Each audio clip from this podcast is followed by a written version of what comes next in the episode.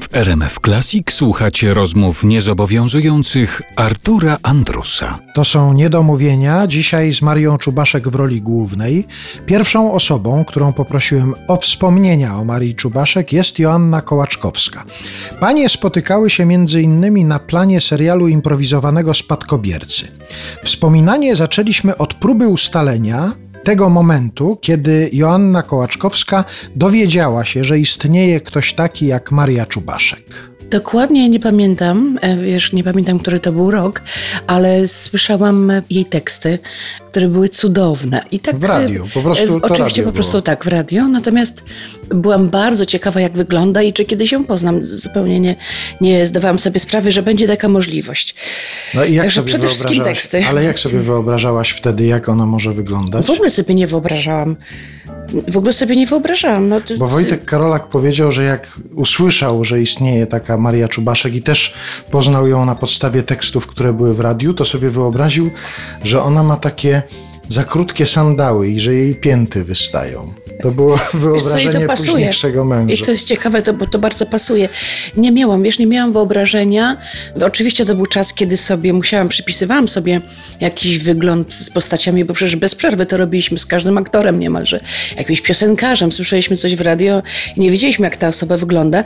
Co do Marii, nie, ponieważ nie słyszałam też jej głosu. Mhm. Tylko właściwie to, co dostawałam, to teksty, skecze i głosy innych aktorów. Byłam ciekawa, ale nie miałam żadnego wyobrażenia. No i dobrze, i potem nastąpił kiedyś ten moment, że się spotkałyście. To gdzieś był jakiś festiwal kabaretowy, ona była jurorką, tak? Tak, tak, tak, tak. Chyba po raz pierwszy spotkałyśmy się albo w Lidzbarku e, armińskim na festiwalu, albo na trybunałach e, kabaretowych, ale chyba w Lidzbarku.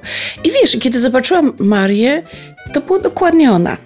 Tylko, że sandałów nie miała. Tylko, że nie miała sandałów. To nie, nie miałam żadnego wyobrażenia, ale kiedy ją zobaczyłam, wiedziałam, że to jest ona, czy to musiała być ona i wszystko pasowało do niej. No i potem było tak, że spędzałyście sporo czasu, no bo na przykład w tym takim programie Dużo Kobiet, bo aż trzy, Tak. zdarzało się, że bywałyście gdzieś w różnych miejscach. Albo też byłyśmy razem jurorkami, albo razem jechałyśmy na jakiś festiwal.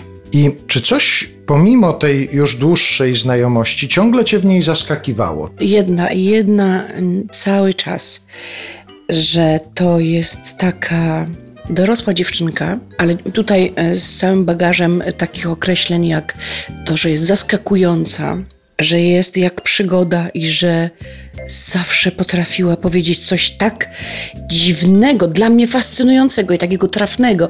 Miała takie spostrzeżenia jakieś dotyczące rzeczywistości mm, niesamowite, bo, bo też wiem, że em, była taka troszkę momentami oderwana, troszkę w chmurach, ale jak już coś zauważyła, to było tak celne i też takie pikantne bardzo często. Ona była zaskakująco logiczna w tym, co mówiła, prawda? Wydawało się, że to jest jakiś absurd, to co ona Tak. mówi, a jak się człowiek nad tym zastanowił, to się okazywało nagle jak to. No ona ma rację, no. Tak, że bardzo, bardzo ciekawie widziała świat. Ja też jestem osobą, e, która dość tak wnikliwie obserwuje rzeczywistość, siebie, ludzi, ale to, co czasami potrafiła powiedzieć Marysia, było naprawdę szokująco trafne. Ciąg dalszy opowieści Joanny Kołaczkowskiej już wkrótce. Ustaliliśmy już jedną istotną rzecz, że prapoczątkiem tej znajomości było słuchanie tekstów Marii Czubaszek w radiu, być może nawet konkretnie tego, w którym wystąpili Bohdan Łazuka i Jerzy Dobrowolski. Serwus pan nerwus? Y, nerwus, nerwus, serwus, ser, ser, czego? Serwus. Szuka pan czegoś? Serwus, długopisu, tak, serwus. Może jest pod ławką, proszę pana. Sprawdzałem, nie ma ławki, zresztą też nie ma. Serwus. Ale na pewno tutaj pan zgubił? Co, co? No ten długopis? Ja niczego nie zgubiłem. No z- zrozumiałem, że zgubił pan długopis. Nie, to źle pan zrozumiał, nie zgubiłem, tylko szukam, bo jest mi akurat potrzebny. Chciałem napisać sobie jakąś książkę, mam dzisiaj wolny wieczór, a nie mam nic do czytania, no więc muszę coś sobie napisać, wie A pan. to no. nie lepiej kupić gotową książkę? No.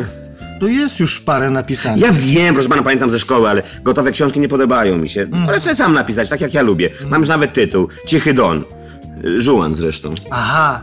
No, proszę pana, Albo Cichy Don, albo Don Juan. To są dwie możliwości. Cichy Don Żułan, no. Sam to wykombinowałem. Marnie to jest. Nie szkodzi, nie szkodzi. Tytuł może być marny, bo książka będzie też marna. To jest roboczy tytuł. Dlaczego? Proszę pana, będzie marna, bo dobrą już napisałem miesiąc temu. No więc nie będę pisać drugiej takiej samej przecież. No naturalnie. A jaka była ta pierwsza? Dobra, dobra, to nie mówiłem nic panu? Nic pan. A mówił pan, mówił. No mówiłem. Ale o czym ona była mniej więcej? No to tego niestety nie wiem, nie czytałem jej jeszcze. Nie, nie rozumiem.